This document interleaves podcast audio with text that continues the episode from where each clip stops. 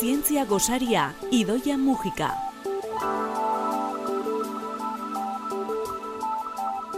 Idoia Mujika materiaren fizika zentroko komunikazio arduraduna zer modu zongitorri. Kaixo, oso ondo, zemozu. Oso ondo, em, galderein behar nizun e, nik ere bai, segurazki askotan egin dizuten hori, e, zientzietakoa edo edo letretakoa zara, eta gero pentsatu dut ez, ez diote egingo galdera hori, zu zientzietakoa, eta ni oso oso letretakoa. Jo, eta esaten badizut biak gerala zientzietakoak eta letretakoak. Akit esango izan diazula, ez, ez, ez, ni zientzietakoa ez. Ba, azteko bai hori esango dizut, gero konbentzituko nauzu, eh? Seguruenera, baina azteko esango dizut ni zientzietakoa. Mm, Baina zenba pro- programa dara mazkigun ja hemen elkarrekin eta aitortu zazu, osea, Aitortu behar dut guztua hartu dio dela, Pixka. baina, baina ni zientzietakoa, pixka zientzietakoa naizela esateraino mm, bai, ez. e, ulertze dizut. errespeto handia dizuet. Bai, hori, beitu, hori berak inspiratu nau programa hau egitea, ze duela gutxi, ba, justu konbertsazio hori eukin, nu- euki genuen, ba, lantalde batean, eta, ba, antzegoen pertsona batek esan zuen, ba, zeni letretakoa naiz, ba, betikoa ez, eta esan ez, gaina zientziako jendea miretxe egiten dut, eta bazuen aurrean nagunean, ba, nolabait txikitu egiten zala, eta ari naiz egiten pertsona batetaz, Zetizena izango, baina garrantzitsua, eta ba, politikoki erantzunkizunak dauzkanak, eta Eta, bueno, ba, bera letretakoa zala esaten zuen, eta, garo, niri kontrakoa gertatzen zait. Ni nagoenean horrelako pertsona baten aurrean, pentsatzen dut, eske, ni analfabeta hutsa naiz, nik ez daukat kultura literariorik, ez dinet pertsona honekin hitz egin, ba, hori politikari buruz, adibidez, orduan, jakin zazue, entzulen artean baldin badago horrelako sentsazioa ez, ba, aldez aurretikan miresmena ikerlari bat, ezakit, ba, kriston buru argiak eukiko ditugula, eta oso azkarrak erala, Bueno, izan daiteke, baina eske e, inteligentzia hori neurtzeko era asko daude. Eta adibidez, ba, inteligentzia emozionala aipatu dezakegu hori hain garrantzitsua dela eta hain gutxita maloratzen dela, ez? Baina dan, bi, nik uste sentsazio hau, ez gara konturatzen, baina bi aldetara dijoala. Aitortu behar dugula ere zientzialariok, ba, ba miretxe egiten zaituztegula, ba hori letretan jantziak zeaten jendeak, eta bar, hori alde batetik. Eta karo, hau pentsatuz, baina filosofia gisa hartu nahi nuen eta irakurtzen hasi nintzen. Eta topatu nuen gaina, ba, gaur maiatzak zazpian, C.P. Snow novelagile eta zientzialari britainiar batek ez da bai dago mai gainean jarri zuela. E, justu itzaldi bat eman zuen, Cambridgeen, eta han, e, lehenengo hitz egin zuen, ba, bi kultura bezala ezagutu izan zen gero itzaldi hori, eta justu ba hori, banaketa horretaz ari zen. Existitzen zala edo ja, garatzen ari zala, zientzietako perfil bat eta letretako beste perfil bat, eta guztiz banatzen ari zirala, ia horma bat eraikitzen ari zala, Hmm. ezta? Mm, Agian em, beti azpimarratzen ditugulako gure gabeziak, ez? E, eta gabeziak azpimarratze horretan e, egiten ditugu bereizketa horiek. Ba, ba hortxe, bai, ari gara egiten bila beratzen da, berrogeita emeretzi, han, osea, duela urte pila dat ja, hau mai gainean zegoen. Eta nik uste gaur egun oraindik bizirik dagoen gai badala. Bueno, hitzaldi horrek ba ekarri zituen ba, iritzi asko, gauza asko idatzi ziren, nahi badezu ir- irakurri daiteke, berrogeita hamabost horri dira, eta, eta bueno, hori liburu batean bildu zan bere, ba, bere, bere ikuspuntua, ez? Egon zaitezke alde edo ez, baina esan dakoa, gaur egun ere, e, dano daki, ba, letretako da zintzetako zara, ba, hori mai gainean dago oraindikan. Orduan, hori buruan, esan dut, zergatik ez, ez gera saiatzen egiten programa bat non landuko dugun, ba oso gauza ez dut esango letretakoa, baina gutxienez pelikula askoetan erabiltzen den gauza da, ba, gure bizitzako parte oso garrantzitsua da, guztiz emozionala, sentimenduekin lotako, lotutakoa, erromantikoa, eta ikusten dugu alde zientifikotik, baina galdu gabe, ea lortzen dugun, ba, pixkat humanismo hori, ez? Ba, ez galtzea burutik, ba, pertsonak sentimentua gerala ere, eta dana ezin dela jaso zen baki batean. Zertaz ari nahi zen? Zein da hitz magiko hori? Muxuak. De- Muxu truk.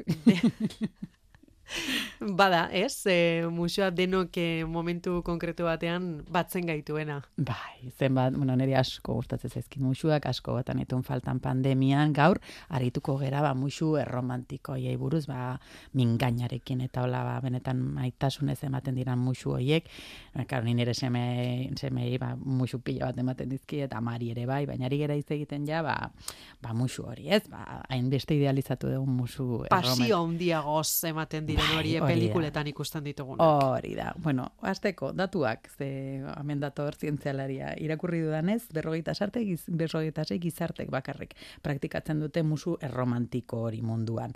Horrek esan nahi du munduko biztanleriaren, biztanleriaren euneko irurogeita laurentzat ez dala ohitura bat.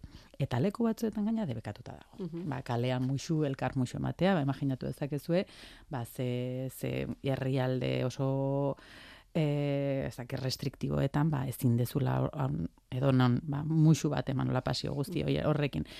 Gizarte, industrializatuetan e, presentzia handiago da du, ordan zer, zeri buruz ari gara ber- berriz, ba, gu hemen mendebaldean edo gure kulturan pentsatzen dugu hori dala realitatea. Bueno, ba, ez da realitatea mundu guztian, baizik eta, ba, bueno, erromantismo hori bultzatuta, ba, kultura horietan bizi geran entzat, bai, da errealitate bat, eta gainan eri asko gustatzen zait musukatzea ba, maita, maite menduta zaudenean, edo norbait gustatzen zaizuenean.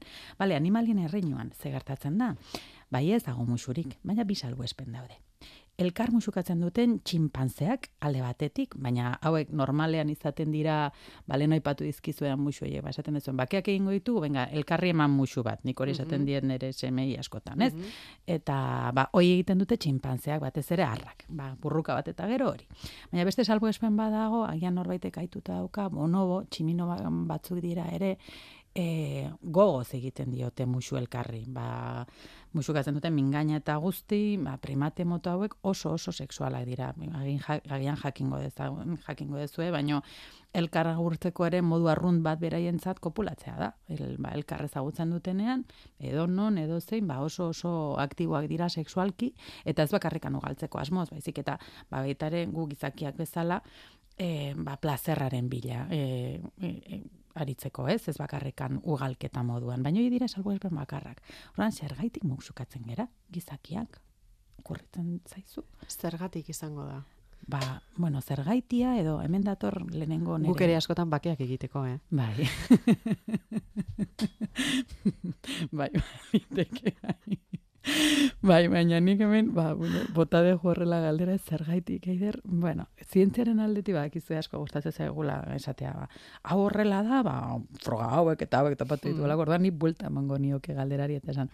Hobeto esan da, zen da musuak ekartzen dituen alde praktikoak, baina zergaitik, ba hori, bakoitzak ikusi beharko du eta hor sartu nahi dut humanismoa, ez? Mhm. Hemen ezingo dizuegu zientifikoki esan zergaitik musukatu behar zera.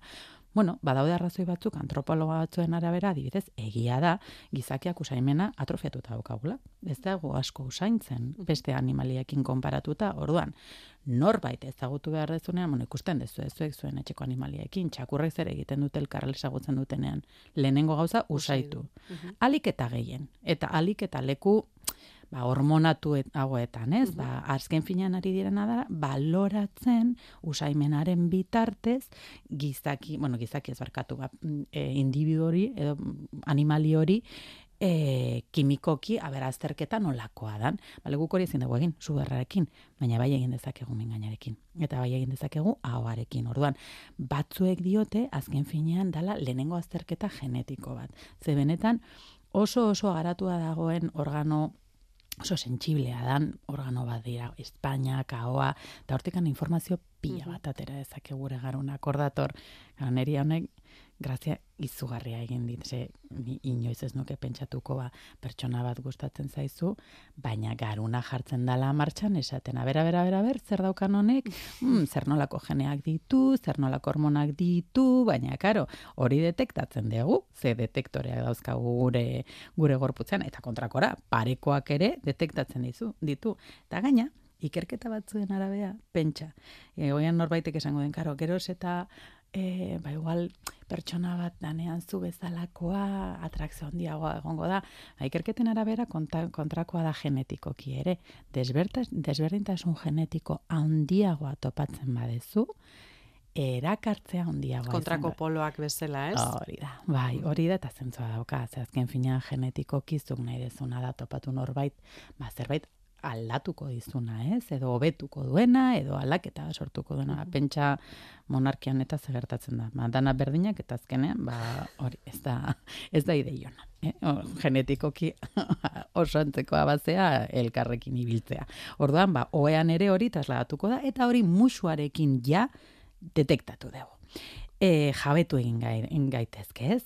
Tira, orduan, e, zergairik ematen diogun musu elkarri, mm, esango dugu, ba, inendi batean, mm, ba, bakoitza jakingo duela zergatik, eta nahi duelako, em, badaukana em, erantzun zientifikoagoa da, zer gertatzen den elkarri musu ematen diogunean. Bai, Hor bai. Hor bai, eta hor aztertu da. Ba, hormona mailan zentzumenentzako mozkorraldia bata. Osea, izugarrizko subidoia. Dopim, dopamina gora. Horrek zer esan nahi du? Ba, sari sentsazioa, autoestimulua, konfiantza, autoestima gora, epinefrina, beste hormona bat, gora. Biotza ritmoala, bizkortzen dizu, gorputza berotu egiten zaitu. Hombre, ari gera hitz egiten beti ere, benetan gogoz ematen dezun musu batekin. Osea, norbait gustatzen zaizuna, ba, ba hori, bestela guztionek ez dauka zentzurik. Oxitozina, ba, baita ere atxikimendua, lokarria romantikoa, serotonina, zoriontasuna zuzenean, endorfinak, ongizate hormonak, askotan esaten dute, azkenean musu on bat, droga on bat bezala dara. Azkenean hormona guzti hauek gora egiten dute, eta gainera, kortisola jeitxe egiten da. Kortisola justu da kontrakoa, ba. E, hormona horrek antxietatera jotzen du, ordan hau jeistean, bueno, estresa jaisten zaigu, momentu batez, batzuetan horrelako musu bat ematen dezunean, begiak itxita eta guztiz murgiluta, momentu batez, mundua desagertzen da. Eta hor, bueno, behintzat, hori nik sentitu izan dut aspaldi, baina bai. Eta, eta bueno, e, beste hormona batzuk ere partekatu egin daitezke. Gizoneskoek e, mm, testosterona transmititzen dute eta emakumezkoek aldiz kopulina transmititzen dugu. Biak ere, ba, imagina izenarekin ja, imaginatu dezakezuen norantz jotzen duen, ez? Feromonak dira, e, usaintzen ditugu eta musukatzean, ba, ba hori banatu egiten ditugu. Bale, gainera, lehen esan dizuedana, Espainetan milaka nerbio maiera ditugu. Atzetan baino eun aldiz gehiago. Orduan, Pentsa. ba, ba, eske pentsa, bai, benetan oso, oso zona erle erogenoa da, izan ere gizakiaren esposizioan dioneko gune, gune erogenoa da, da, hortxe bertan daude, prest bezala, ez, ba, er, e, erabiltzearen eta zuzenean oso lotuta garunarekin. Elkartzen diranean Espainiak, ba, estanda hori sortzen da, ez, burmuinean, hormonen leherketa hori. Beti ere esan dakoa, eh? topatzen dezun informazio hori, dituko diogu usaina, baina pertsona horre benetan e, ba, nolabai gustatzen bazaizu, ez? Ba, berriz ere humanismora bialtzen, osea, zuen zuen intuizioak ere lagunduko dizue eta zuzen zabiltzate. Norbait gustatuko zaizun edo ez eta seguraski gustatzen zaizun norbaitekin mujukatzen bazera, ba transmisio guzti hori e, onerako izango da, baina baita ere gertatzen da batzutan, ez pentsatzen dezula norbait gustoko dezula, musukatu eta esan, mm, oi, zerbaitek ez du funtzionatzen. Ba, hori ere zientifikoki azaldu genezake, baina baina galdu gabe, ba hori askenean sentsazioak dirala Eta hori gertatzen bada, ba, ez eman gehiago. Hori da. Segi aurrera, ze ez dauka zen, zen esan handirik, bai.